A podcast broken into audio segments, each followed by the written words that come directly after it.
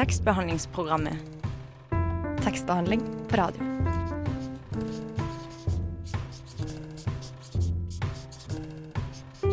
Tekstbehandlingsprogrammet.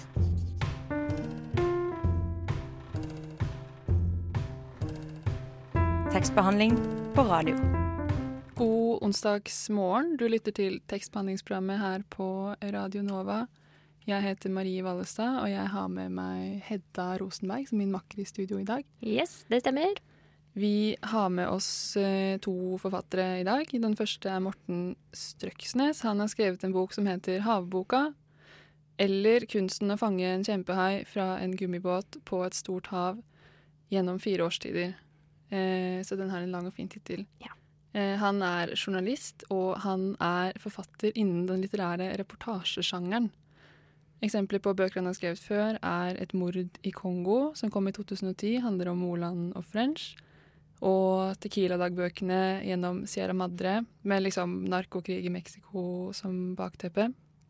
Og mange flere bøker også, men Havboka tar oss til dypet utenfor Lofoten på fisketur. Eh, så han kommer, og så har vi med oss en til forfatter som tar for seg temaet hav. Ja, det stemmer. Vi har med oss eh, Erlend Vikne, som er eh, Flamme forlags eh, eneste debutant denne høsten. Han har skrevet diktsamlingen Hav sløyd, som er en litt sånn leken samling med Den leker med dialekt og typografi, samtidig som han skriver liksom om havet i oss, da. Om det å være stemninga ved å være ved havet. Så ja, det er absolutt en rød tråd i sendinga i dag. Eller en blå tråd. Den flyter. Ja. Eh, og så etter det, når havet er ferdig, så kommer eh, Stine, eh, vår medarbeider. Hun skal anmelde Ari Behn sin eh, novellesamling som kommer til høst. Eh, det, og det tror jeg blir kjempegøy. Ja, Ja. Den heter Tiger i hagen. Ja, Jeg har hørt mye rart om den. Men ja. aller først så skal vi høre en låt fra A-lista. Den heter Enforceless, og den som spiller den, heter Mattas. Hallo, Chartersveien her. Jeg passer jaggu meg inn i tekstbehandlingsprogrammet også. Jeg syns at døra bør stå på gløtt. Tekstbehandlingsprogrammet holder døra oppe for alle. Lar du døra di være litt åpen. Da hørte vi Mathas med Enforceless fra A-lista på Radio Nova. Nå har vi med oss Morten Strøksnes i studio. Hei, Morten. Hei. Hei. Hallo. Eh, du har eh, skrevet en bok som heter Havboka, eh, som har kommet ut nå. Og den handler om jeg-personen, som er deg, Morten. Ja. Og Hugo Aasjord, maler og fisker. Og så er det en tredje hovedperson i boka. Eh, I et slags trekantdrama, egentlig. En H-kjerring. Hvem Ja. eller hva er det? Oh, en uh, håkjerring er et, eh, en slags, uh, monstrøs hai som eh, de fleste ikke er klar over er utenfor kysten, i hvert fall nordpå. Litt lenger sør enn Lofoten og helt opp til isen. Der er den på de, de store dyp, sånn opp til ja, 200-300-400-500-600 meter. Den kan bli like stor som en hvithai, vil si eh, den kan bli opp mot 1200 kilo og 8 meter lang. Det er en ganske mystisk fisk. Det er mye man ikke Eller hai, da. Man ikke vet om den.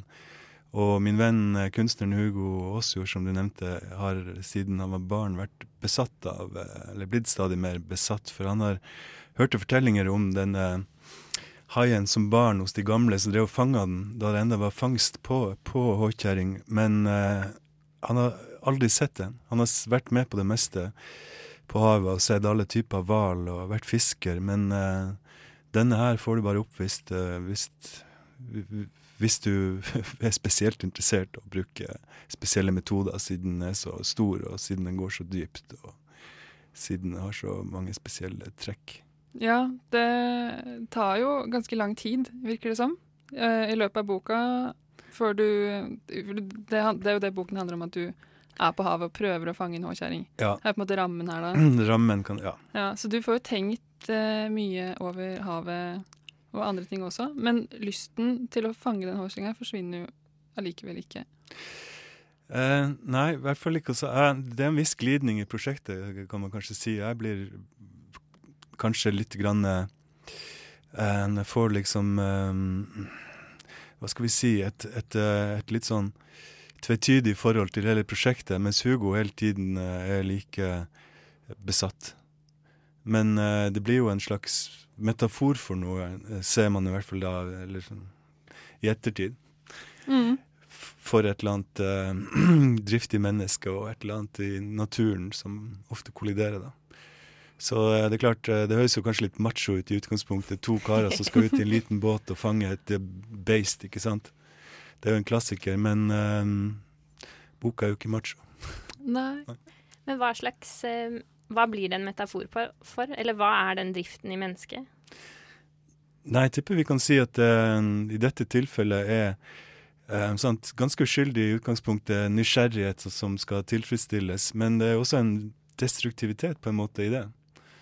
Den driften vi har til å liksom oppdage ukjente ting, er jo uh, noe som har ført oss langt og gjort oss til, på, på en måte til Ja, vi står øverst i, i, på den evolusjonære stigen, da.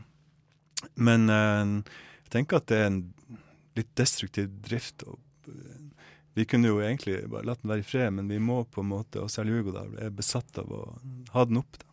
Ja. Bare for, fordi at vi kan.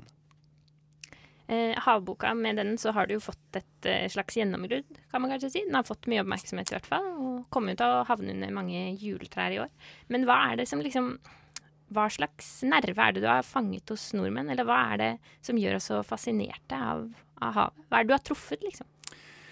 Ja, det er ikke så lett for meg å svare på det. Um, og det er, jo, det, er ikke, det er jo ikke bare nordmenn som, som blir truffet av en eller annen nerve, eller jeg treffer en nerve hos.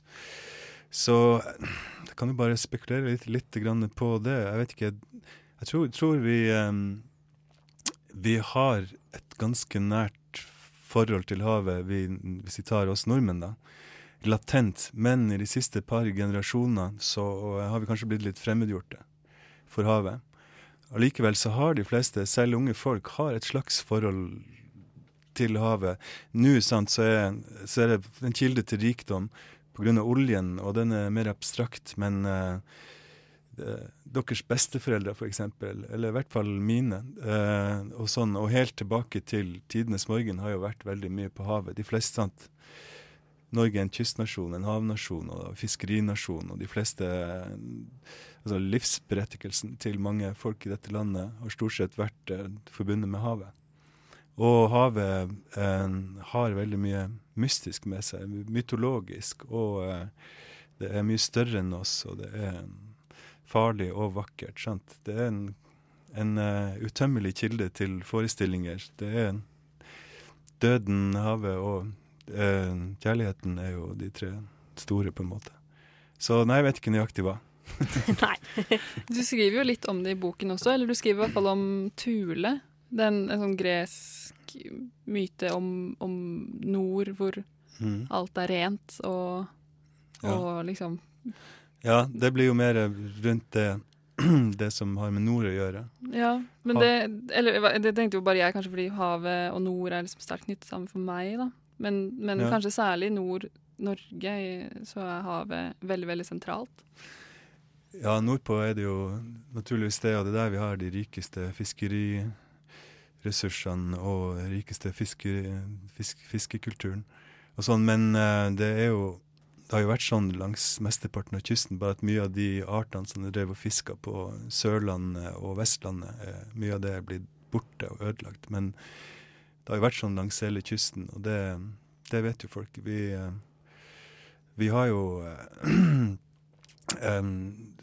et nært forhold til havet, de fleste som bor nordpå, men det har jaggu sørlendingene og vestlendingene også. Ja, det skal vi jo komme litt tilbake til senere i sendingen også, når Erlend Vikne blir med. Eh, men nå eh, må vi spille en sang. For nå er det, og du skal spille, vi skal spille en sang som du har eh, valgt ut til oss. Eh, kan ikke du fortelle litt om den låta? Jo, altså da spiller dere den John Taylors 'Month Away' Mm. med, med King Creosote og John Hopkins fra en plate som heter 'Diamond Mine'. Som er for meg en, en veldig fin havplate. da. For mens jeg jobbet, De årene jeg jobber med dette prosjektet, så har jeg hørt mye på havmusikk også. Og det er en eh, veldig fin havplate, syns jeg. Det er, det er litt sånn bølger som slår inn mot en, en strand. og litt sånn eh, Som man går langs en kyststripe, syns jeg, når man hører på den plata. Den, fra, den har jo sånn tekstinnhold også. Den er fra Skottland, Nord-Skottland.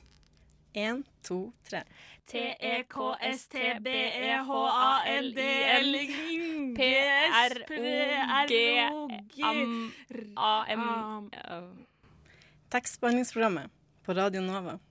Det var John Taylors 'Month Away' med eh, King Creosote og John Hopkins, som var eh, en havlåt Morten Strøksnes hadde anbefalt eh, og ville vise oss.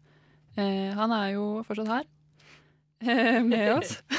og eh, vi snakker om havboka, eh, som den, den skiller seg litt fra de tidligere bøkene dine.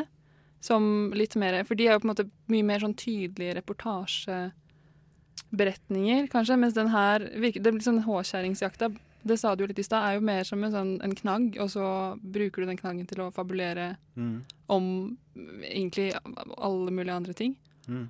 Eh, Ja, altså Ja. for meg så um, Det er mange som, eh, som synes det litt, og kanskje det er sant. Men, men for meg er ikke det så um, så er ikke det noe markant skille her. Hvis du ser f.eks. på den Kongo-boka, så um, 'Et mord i Kongo', som det heter, så, så er da det drapssaken mot um, Moland og French der nede er også en slags ramme der jeg putter inn veldig mye annet som jeg syns kanskje er mer interessant. mm. Men selvfølgelig en helt annen type story, da. Det med en sånn true crime. Så er det kanskje mer eh, eksistensiell og litt mer eh, lyrisk i, i enkelte partier. Stoffet, stoffet bestemmer jo litt til en viss grad hvordan eh, boka blir. Mm. Eh, du har sagt, eh, eller jeg har lest i tidligere intervju med deg, at du har eh, tenkt at i stedet for å hamre gjennom med politiske argumenter, eh, så har du lyst til å overbevise leseren med hjelp av stemning. Om, Ja. om ja, miljø, Eller jo, for eksempel. Jeg tror jeg vet hva du um, tenker på der. Det er jo sånn sant, eh, Jeg tror det var en journalist som spurte eh, denne boka, sa noe sånt som at denne boka er ikke særlig polemisk. Jeg er også sånn spaltist i, i flere aviser samtidig hver 14. dag. og Der, er, der, sant, der skal det være ganske frekk og spissa og enøyd og kanskje morsom. sant? Mm. spiss, veldig spisst, da. Det er en sjanger i seg sjøl, men det her er en bok som har en helt annen type tone og stemme, og der kan jeg ikke, eller vil jeg ikke være sånn. Det det hører ikke hjemme i den boka. Det, det den da kanskje gjør på en mer snedig måte, er å eh, smitte, og mye vanskeligere også, selvfølgelig, det å smitte ved hjelp av en, eh, en stemning, altså at den, leseren får en følelse av eh, eh, jeg vet ikke, viss omsorg for havet, eller eh, en fascinasjon, gjenoppvekt fascinasjon, eller noe sånt, kanskje. Å leve seg inn i den, med hjerne og hjerte, istedenfor sånn kjapp argumentasjon. Vi snakket litt om eh, sammen i redaksjonen før du, før du kom, at eh, kanskje skal man si at det er en tendens til å skrive ganske innadvendt litteratur i dag, da. Jeg tror ikke det er noen som vil være veldig uenig i den påstanden. Men eh, så at det ikke er så mange som skriver om sånn som du gjør, da. Sånn om klimatrusselen, om tap av biologisk mangfold, om liksom forsuring av havet, sånn som du gjør i havboka, da. Har du noen tanker om hvorfor det er slik? Hmm. Altså, det er jo Det er ikke så lett, altså, hvis, Altså, hvis romanforfattere skal ta opp sånne type vanskelige, aktuelle spørsmål, så blir det lett uh, kan fort bli dødt og kjedelig. De kvier seg ofte for det, og det, det er det mange gode grunner til, tror jeg. Mens, eh, og det er ikke sånn at det er sånn eksplisitte tema. Jeg er veldig var på det selv i min bok, at eh, sant, nå skal dere høre hvor ille det blir, og, sant, og det og det har skjedd med CO2-en i havet sånn i løpet av de siste 20 år. og sånn. Men det, det prøver heller å snike det inn der det passer, og hvis det ikke passer, så har jeg prøvd å stryke det. Så for, for meg er det jo veldig naturlig å skrive om akkurat det du nevnte der, siden f.eks. havet er jo den store klimaregulatoren, så ikke, sant, og den produserer mesteparten av eh, oksygenet på jorda og binder mesteparten av CO2-en og sånne ting. Så eh, jeg kommer jo inn på det. Men eh, eh, det er ikke lett å lage god litteratur om eh, klimaproblemet. Så jeg skjønner at ikke alle hiver seg på det. Ja. Eh, I havboka så er det jo så mange ord og uttrykk, eh, som for eksempel høgginga, som du skriver at eh, når strømmene begynner å slakke etter Nei, tre døgn etter fullmåne eller nymåne, og så er det andre som småskjøtt og nippflo og mjøll. Eh, og etter hvert så gjør du et poeng ut av at slike ord forsvinner fra språket. Hva tror du at skjer med oss og språket vårt? Eller hva, hva, det, hva slags betydning har det for den neste generasjonen at de ordene blir borte? Ja, det er me- mesteparten mange sånne ord som jeg tar med litt sånn på trass, når jeg mest driver med kunstig åndedrett på, på de ordene, er jo fordi at eh, ja, for det første så er det mange vakre ord, sånn rent sånn klangmessig. Og for det andre så, eh, så forklarer de ofte en, en, slags økologisk sammenheng, he- sammenheng i, i naturen. De ser ting som, som på en måte gjør naturen til noe annet enn uh, en noe som vi skal utnytte helt sånn instrumentelt. Man, ja, den ser Sånne ord forklarer gjerne en, en sammenheng, sammenheng og kommer liksom fra en uh, lang tradisjon, sånn tradisjon, kystkultur, med eh, akkumulert, av ak akkumulert kunnskap. Da. For det satt jo enormt mye eh, kunnskap hos fiskere. De ser ikke overflaten av havet som Altså som en sånn eller de ser under overflaten av havet, for å si sånn. De ser landskaper, sletter og daler og fjell, og vet hvordan de forskjellige artene oppfører seg i forhold til hverandre, og når de drar dit, og strømforhold, og flo og fjære, og månefaser, og alt sånn der type som de også hadde et språk for. Da. Mm. Eh, nå må vi nesten høre en låt. Ja, igjen. Dessverre. Glemmer tiden helt. Eh, Foxtrot, 'Beyond Our Means'.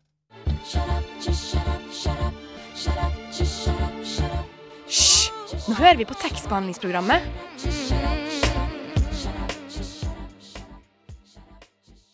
Det var eh, en eh, låt fra A-lista etter en litt bra, brå avslutning på forrige stikk. Foxtrot med 'Beyond Our Means'. Nå har vi med oss Erlend Vikne i Hei. studio. Hei.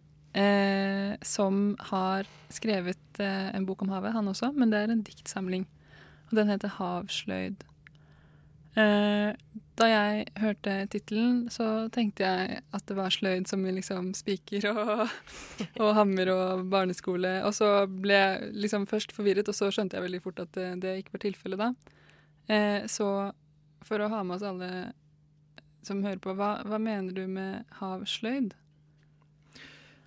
Nei, det er vel som du påpeker at sløyd ikke er kunst og håndverk. Men eh, det dreier seg mer om eh, Det er i hvert fall noe vi sier på Sørlandet. At man sløyer fisk for å rense fisken for gjerne innmat.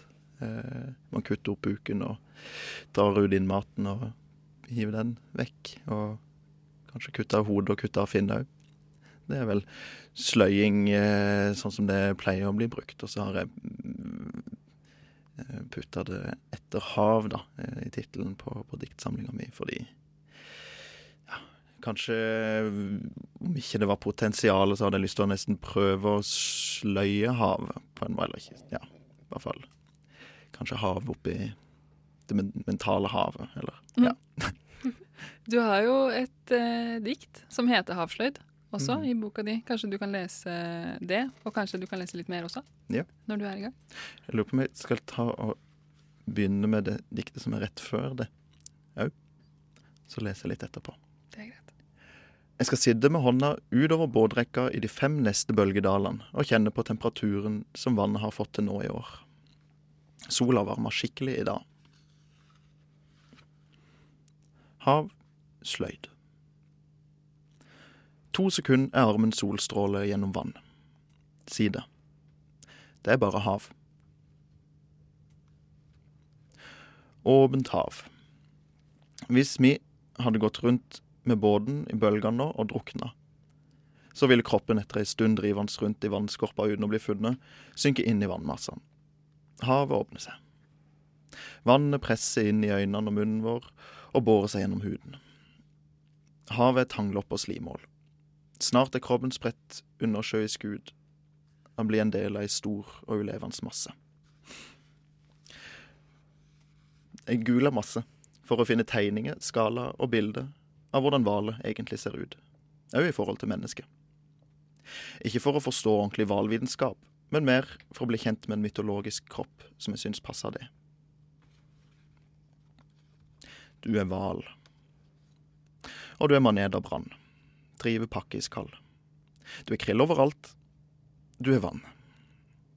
Som et hav i fjor ligger du i med, som er jord. Eh, takk for fin lesing. Eh, nå når du leste, så var det jo gjennomgående sånn tydelig, flott mandagsdialekt. Men eh, i boka så er det kanskje litt mer blanding. Eh, det var noe jeg tenkte over da jeg leste, at det ofte er sånn Ja, nå skal ikke jeg egentlig prøve å si sånn gåans og glitrans, litt sånn. Eh, men, så, men så bokmål gjerne ellers, da. Eh, eh, hvorfor har du skrevet eh, diktene i, i den eh, språkblandingen eh, der? Mm, da jeg begynte å jobbe med dette stoffet, eller egentlig da jeg begynte å skrive dikt generelt, så følte jeg nesten at jeg måtte eh, skrive på veldig, veldig radikal mandalsdialekt. Eh, så jeg skrev eh, æ og eh, presens uten r på slutten osv. For, å- for å få det akkurat sånn som jeg sa det. Men så, da jeg begynte å jobbe med et manus som skulle bli bok, så hadde jeg ikke lyst til at dialekter skulle være det første som hoppa i fanget på, på leseren. Så eh, jeg modifiserte det, eller hva skal man si, normerte det mer, og jeg var i grunnen fornøyd med det. Syns det holdt å bli litt mer normert òg. Ja. Noe som kanskje hopper mer i fanget på leseren, hvis man kan bruke det uttrykket, er jo dette typografiske oppsettet ditt, som dessverre lytterne våre ikke kan eh, se. da. Eh, men, og der har du veldig stor variasjon fra, fra dikt til dikt. Hvorfor har du gjort det på, på den måten? da? Mm. Det ble egentlig til etter hvert som jeg ble mer kjent med stoffet jeg ville skrive, og hvordan jeg ville skrive det. Eh, når jeg satt og jobba med enkeltdikt og språkene i, eller utforminga av det, så falt det seg ofte naturlig å eh, ja, øh, ikke ha f.eks. helt jevn venstre marg, men å flytte ting litt mer ut, kanskje for å få en slags ja, bølgeeffekt, eller i hvert fall en effekt at det er litt ustabilt, på en måte. At øh, ikke det er hardt, men at det er mykt. Øh, som kanskje vann. Men det var egentlig ikke noe jeg hadde som mål da jeg begynte å jobbe med dette her, men det var mer Det, det kom etter hvert, og så ble det gjennomgående for hele diktsamlinga. Og det, ja, det ble veldig bølgende i forma etter hvert. Eh, Havsløyd er en blanding av noen mer filosofiske dikt, og så er det noen som er litt mer eh, konkrete. Eh, og så er de på en måte Eller selve boka da kanskje delt i tre, på en måte. Mellom de, en del med de mer filosofiske, en konkret, og så en liksom blanda del. Hva, hva er tanken bak denne oppdelingen? Nei, det er som du sier eh, Kanskje de tre delene der. Jeg følte at eh, ja, Da jeg jobba med, med dette stoffet, da ble jeg kjent med på en måte havet, så var det gjennom eh, skriveriene til en fransk filosof som het Gaston Bachelard, som har skrevet en del om vann som element. Eh, og det traff meg veldig på en slags kanskje på det filosofiske plan, eller på i hvert fall det sånn forestillingsverdensplan, og hadde lyst til å nærme meg litt det i kanskje den første delen. Men så er ikke det For meg, så, så, så for mange, så, så er havet ganske mye mer enn bare eh, tankene på det. Det er jo på en måte livet rundt havet. Eh, Om det så er ute på det store havet, eller om det er i skjærgården på, på Sørlandet, eller hvor enn det måtte være. Eh, For meg så er det en veldig viktig mm, del av forståelsen av hav og mitt forhold til vann, på en måte. Eh, Så det var viktig for meg. Og så, ja, så ble siste del et forsøk på å forene de to. Ja. Eh, du skal også spille en låt eh, for oss som er på en måte din havmusikk. Hva skal du spille? Eh, jeg skal spille, og det er nok ikke eksplisitt havmusikk. Eh, jeg tror ikke det er tenkt på hav når den musikken ble lagd, men jeg skal i hvert fall spille uh, 'Going Down' med Jaga Jazzist fra albumet 'Living Room Hush', som kom ja, 2007 eller noe i den duren.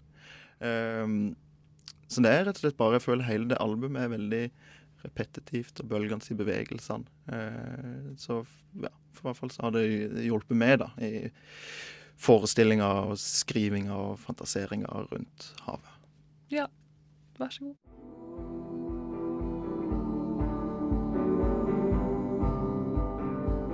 Tekstbehandlingsprogrammet når du vil lese med ørene.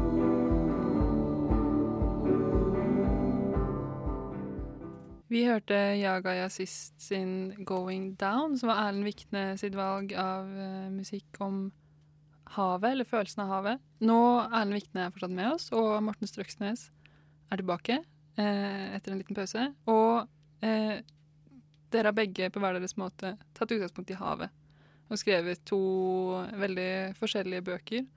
Men dere har på en måte Det er utrolig mange fellestrekk. Det har du Eller snakket vi litt om i stad før sending, at det er utrolig mange like knagger mm. som dere henger havet på. Mm. Eh, kan du fortelle litt om det, eller hva er de knaggene? Um, Nei, jeg ble også Altså, jeg ble litt uh, uh, Jeg er litt forbausa egentlig når jeg leste Erlend sin, sin, bok, fordi at det var så mange typer um, situasjoner og fenomener som vi begge har på hver vår måte tatt utgangspunkt i, eller forsøkt å, å beskrive. beskrive Hans form er jo poesien, og men, men på en ganske Hva skal vi si um, uh, Noen dikt ganske fortellende og konkret måte. Ikke, ikke helt abstrakt og oppstykka og, og, modernistisk sånn, sånn sett. Så, og det er jo noen ting der som jeg i din bok, Erlend, som jeg tenkte faktisk eh, nesten kunne stått i min. Så jeg vet ikke hva du tenker om det. Du har ikke fått lest min, kanskje? Jeg har ikke fått lest din enda, men jeg har jo vært litt borti noe av det du har skrevet tidligere, og spesielt det eh, Jeg syns den følelsen av, av, av, dypet i hvert fall hos meg, som antageligvis er der dette å fiske den store haien, på en måte. Eh. Ja, det er en klart fellestrekk. Jeg forsøker å eh, sant, få den, dyp, den dypest mulig, altså min bok. En annen ting er også der, altså rent eh, Begge prøver å fremkalle en, eh, en slags eh, havsanselighet i bøkene. Og da Ja. Da, mm. da har vi eh, på en måte eh, tatt eh, og funnet frem til mye av det samme hver for oss da, i, rundt den ja, taktiliteten, følsomheten, eller sånn konkrete ved, ved havet, som man da skal prøve å beskrive. Det er jo på en måte ett element, så det er kanskje ikke så rart heller. Men det er jo likevel uh, uendelig mange teoretiske innganger til et fenomen som havet, så. Ja. En annen uh, sånn likhet som jeg festa meg ved, var at dere begge bruker et sånt uttrykk som havet i oss, eller havet i meg, altså havet i mennesket. Og jeg, jeg kjenner jeg er litt usikker på om jeg egentlig vet hva, hva er havet i oss. Erlend, har du noen, noen tanker? Um, ja, jeg har noen tanker. Det er egentlig eh, det møtet mellom havet i oss og det konkrete havet jeg har prøvd å skrive om. Eh, jeg tror at eh, i hvert fall folk som har hatt en del nærkontakt, om det på en måte med å være ute på dypt hav som fisker, eller om det å rett og slett bare være der og leke om sommeren, vil ha eh, både kanskje kjent på følelsen av å være redd for å, for å drukne, og det tror jeg ikke Det tror jeg er en sånn eh, følelse som ikke bare eh, er noe man kan ha når man står overfor dypet. Eh, men òg en, en, kanskje en, sånn dypt eh, instinkt i oss, nesten, som kan, kan skape veldig sterke, sterke inntrykk. Så tror jeg òg at hele den ustabile overflata som som har hver måten det beveger seg på, og aldri har noen fast form, er noe som både gjør veldig sterkt inntrykk på oss når en står overfor det, men så tror jeg liksom det blir hengende det, blir jo veldig abstrakt, dette her, da. Men jeg tror det blir hengende på en måte eh, med videre som en del av eh, måten man jeg bare forestiller seg bevegelse på. Det er sant. Og uh, hvis jeg skal ta en litt annen inngang, så kan jeg gå mer konkret til verks. I og med at sant, alt uh, liv på jorda stammer jo naturligvis fra havet. Og det der uh, på en måte Ja, selvfølgelig, vi stammer også derfra. Vi er jeg har med, har med, et kapittel i, i, min bok der min, min som hun er blitt eh, gravid av sånn elleve uker eh, på vei. Og da har jeg lest nok evolusjonsbiologi og rundt eh, rundt liksom menneskets evolusjon også, til å koble det eh, Eller til å ta det med i boka, for på, på, akkurat det stadiet så, eh, så går hun med, altså, så ligner fosteret forbløffende mye på en, en fisk, rett og slett. med, eh, med gjellebuer og sånt, øyne på, på, hver sin side av hodet. og en kjønnsorganet like i nærheten av, av, hjertet. Vi har veldig, veldig mye eh, igjen i oss fra den den tida evolusjonært sett da vi levde i havet. Det er masse mekanismer der som enda er, eh, gjør oss til litt fiskete av oss. Mm. Vi kom jo litt inn på dette tidligere i sendinga, at eh, hvis man skal skrive, så kan man skrive om kjærlighet, døden eller havet. Eh, og havet har jo vært veldig Ja, altså vi kan tenke på Homers Odysseen, selvsagt, men også Moby Dick vi har Haiene av Jens Bjørneboe her i Norge. Den gamle mannen og havet av Hemingway. Så hva, er det med, hva tror dere det er med havet som gjør at eh, det hele tiden blir beskrevet i litteratur? Jeg har kanskje vært litt innom det. Men... Ja, Morten var vel innom det tidligere. Det er både at eh, eh mennesker har levd i så ja, direkte kontakt med det for så lenge, og, og, og eh, eh ja, òg det at på en måte livet er oppstått ifra havet. At jeg føler at havet fremdeles er Eller jeg syns det var veldig fint og riktig det han sa kanskje om at man er litt fremmedgjort for havet i dag. Eh, det er i hvert fall en følelse som jeg har følt veldig på. At man kan være fremmedgjort for noe så stort på jorda, som er så stort og på en måte dekker ja. 70% av jorda. Mm. Ja, så er det jo også det, altså det er rent sånn fortellertekniske ting som gjør at havet ofte er blitt brukt med stor suksess. At et, en båt blir ofte et mikrokosmos for Som kan være da en uh, allegori på hele samfunnet. Det Du kan ikke, kan ikke rømme fra en båt, ikke sant. Og der kan du avspeile alt fra klasseforhold til psykologiske drama, og du kan plutselig få en storm eller en stor hvit hval som dukker opp derfra, og så har du drama med en gang. ikke sant? Det tenkte jeg litt på i din bok også, at den tar, eller egentlig begge deres bøker, men særlig den at du går gjennom noen sånne klassiske elementer som hører til havlitteratur. At det er på en måte F.eks. det at man på et tidspunkt vil bli litt gal av å være på havet, og at det kanskje oppstår konflikt eh, mellom de som er i båten, og så er det veldig mye om fyrtårn. Det er på en måte også et sånn klassisk element. Og ja, det bare Det slo meg litt, da. Ja, altså det er jo Det blir jo kanskje konflikt hvis man sitter uh, sammen med en annen fyr i ja, uke etter uke, gjerne. Eller at det ikke Konflikten oppstår jo uh, på land, da. Uh, mm. fordi at vi, kanskje litt fordi at vi ikke kommer oss ut på havet. Sånn, sånn, det er jo mye som går skeis i den boka.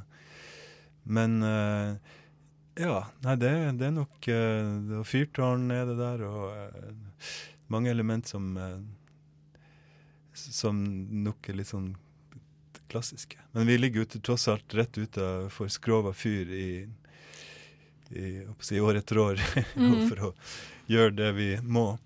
Så da har jeg også gjort en, en uh, funnet ut mye om det fyret, og hvordan det, hvem som bygde det rent konkret, og hvem som var fyrvoktere der, og sånne ting. Så jeg har brukt liksom vår posisjon der det konkrete stedet, til, som en slags nøkkel til å, til å låse opp det fyret da, som stirrer på oss uh, dag etter dag med sitt sinnssyke øye, ikke sant. Mm. Det øyet går igjen også i din diktsamling, mm. Erlend?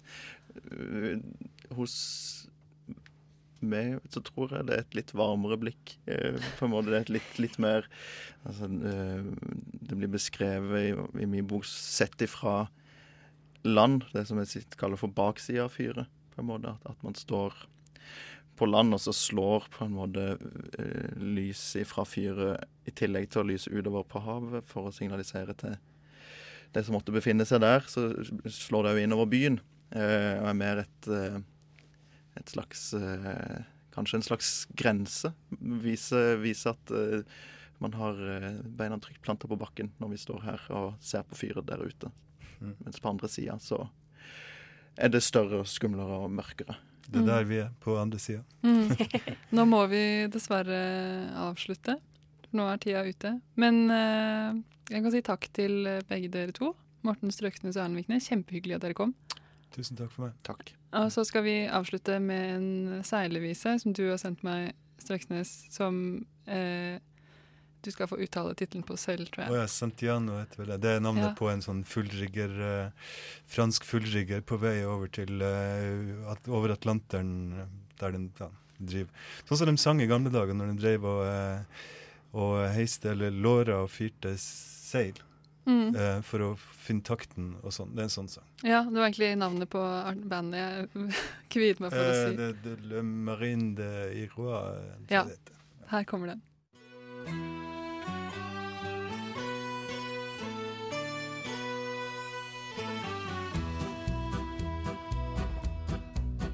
C'est un fameux trois-mâts fait comme un oiseau. Iseo, Iseo Santiano.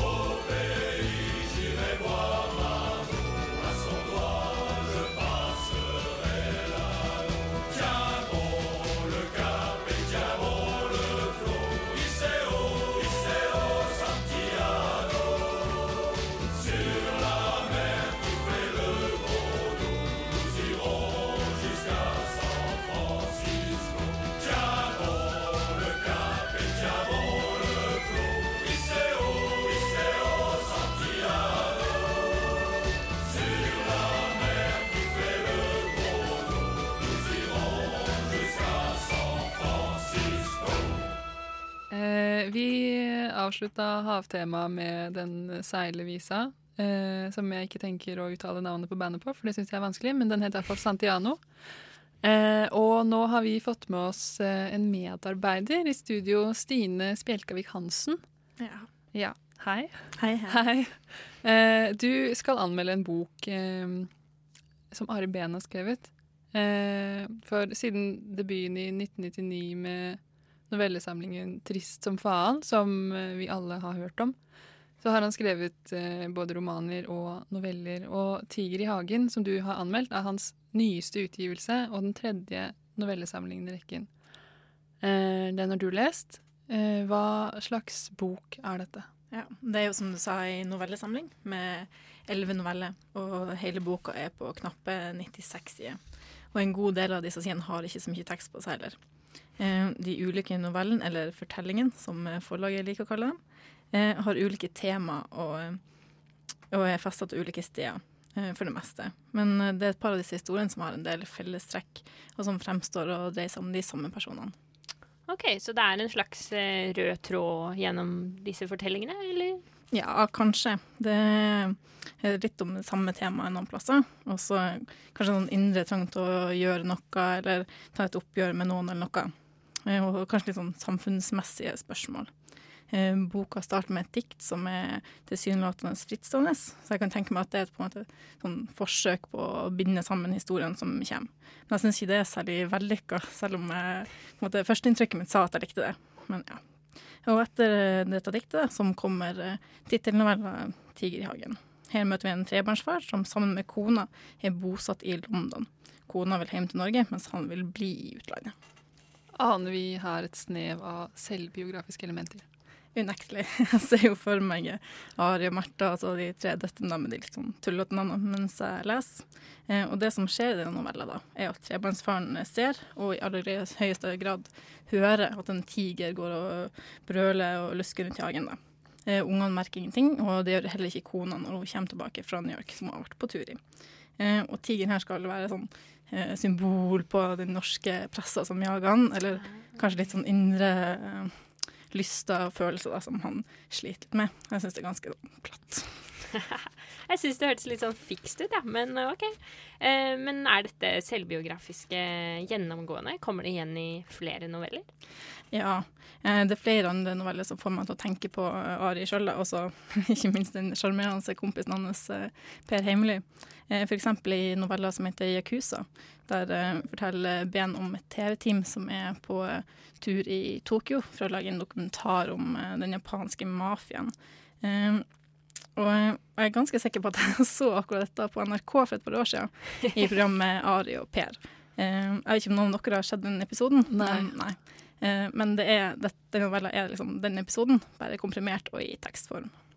Eh, og så er det en novelle som heter 'Kråken i Kautokeino', og da får den samme fornærmelsen, fornærmelsen om at Ben skriver på en måte om seg sjøl, og særlig siden han bruker en del av de samme navnene og karakterene fra den forrige novella. da. Uh, I denne novella er det en mann som reiste til Finnmarka med en kompiser, for han sliter litt med seg sjøl, osv. Uh, men uten dette da, så er fokuset i de fleste novellene på eh, andre karakterer som jeg syns er ganske eller ulikt, da, sånn som jeg oppfatter Ben og, og Heimly. Og det er de novellene som jeg syns er de beste. Eh, kan du gi noen eksempler på akkurat det? Ja, eh, eksempel novella som heter 'Stein og skygge'. Den handler om en asylsøker som har fått avslag på eh, søknad om oppholdstillatelse, og venninna hans som overlevde terroren på Utøya. Så det handler liksom om vennskapet deres, og det syns jeg er litt interessant. Eh, for da føles det som om han prøver liksom å knytte eh, veldig ulike personer sammen, og kanskje liksom si noe om samfunnet, eller ja. OK, hva, hva er det han prøver å si om, om samfunnet?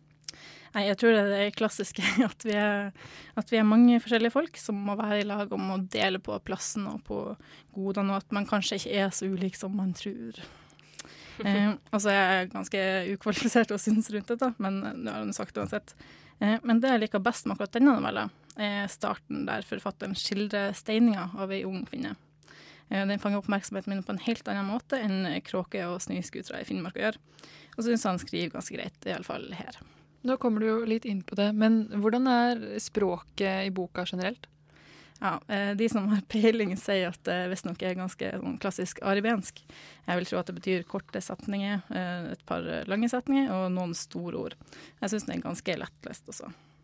Så har du en endelig dom, eller? Ja, altså Dette er på ingen måte ei bok som er vanskelig å legge fra seg. Eh, Men det kan nok skyldes at de elleve novellene er ganske kort, og at terskelen for å legge den fra seg etter ei av de er ganske lav. Men det er noe som plager meg litt med denne boka, og at jeg syns at eh, poengene ikke alltid er like lett tilgjengelig. Og det er ikke det at jeg forventer å slippe å tenke når jeg leser, tvert imot. Men jeg syns ikke at det kler denne boka å ha litt sånn påtatt metaforer, metaforisk og veldig sånn symbolsk og sånn, når eh, språket er sånn enkelt og tekstene er veldig kort. Det blir liksom litt perifert. Eh, Og det trekker ned leseropplevelsen, for jeg føler meg litt dum. Og det kan selvfølgelig hende at det stemmer her, men likevel så er det et stort minus uansett. Eh, og så må jeg nevne at det er en novellen som heter 'Sex med Osama bin Laden'. Eh, jeg orker ikke å snakke om selve novella, da, av årsaker som jeg har vært inne på. Men ja, så du, du skjønte den ikke helt på det? Nei, kanskje ikke helt, eh, men jeg prøvde ikke så veldig hardt heller, da. Nei, det, er- men det er jo egentlig legitimt, syns jeg. Det Det ja. betyr det kanskje noe om boka. Men så, så alt i alt, da. Du likte den litt, eller liksom? Ja, jeg syns ikke at det er en dårlig bok, men jeg har lest en del av novellene hans tidligere som jeg likte veldig godt, syns jeg husker da. Eh, så jeg hadde på en måte et par forventninger som ikke helt ble innfridd her, da. Eh, men prøver jeg liksom, å se forbi den skuffelsen, så syns jeg at boka er helt grei. Eh, og kanskje jeg må vurdere å lese den på nytt for å se om jeg skjønner litt mer den gangen. Ja. Takk, Stine Spjelkavik Hansen. Hallo, mitt navn er Knut Nærum, og du hører på tekstbehandlingsprogrammet. Jeg går i hvert fall ut fra at du gjør det. Eh, hvis du gikk glipp av eh, vårt eh, intervju med Morten Strøksnes og Erlend Viktne og eh, havtematikken som vi har kretsa rundt, og i tillegg til en anmeldelse av Ari Behn sin siste bok, så kan du høre en reprise. Og hvor finner man den? Det stemmer. Eh, Den finner man på Soundcloud og iTunes. Der heter vi Tekstbehandlingsprog, for vi har så langt navn. Eh, Så man hvis Ja. Ja, så det går an. Eh, så får vi bare si takk for oss, egentlig. Mitt navn er Marie Vallestad. Hedda Rosenberg har vært med meg i studio. Det stemmer. Stine Spjelkavik Hansen har anmeldt, og tekniker var Oda Archer.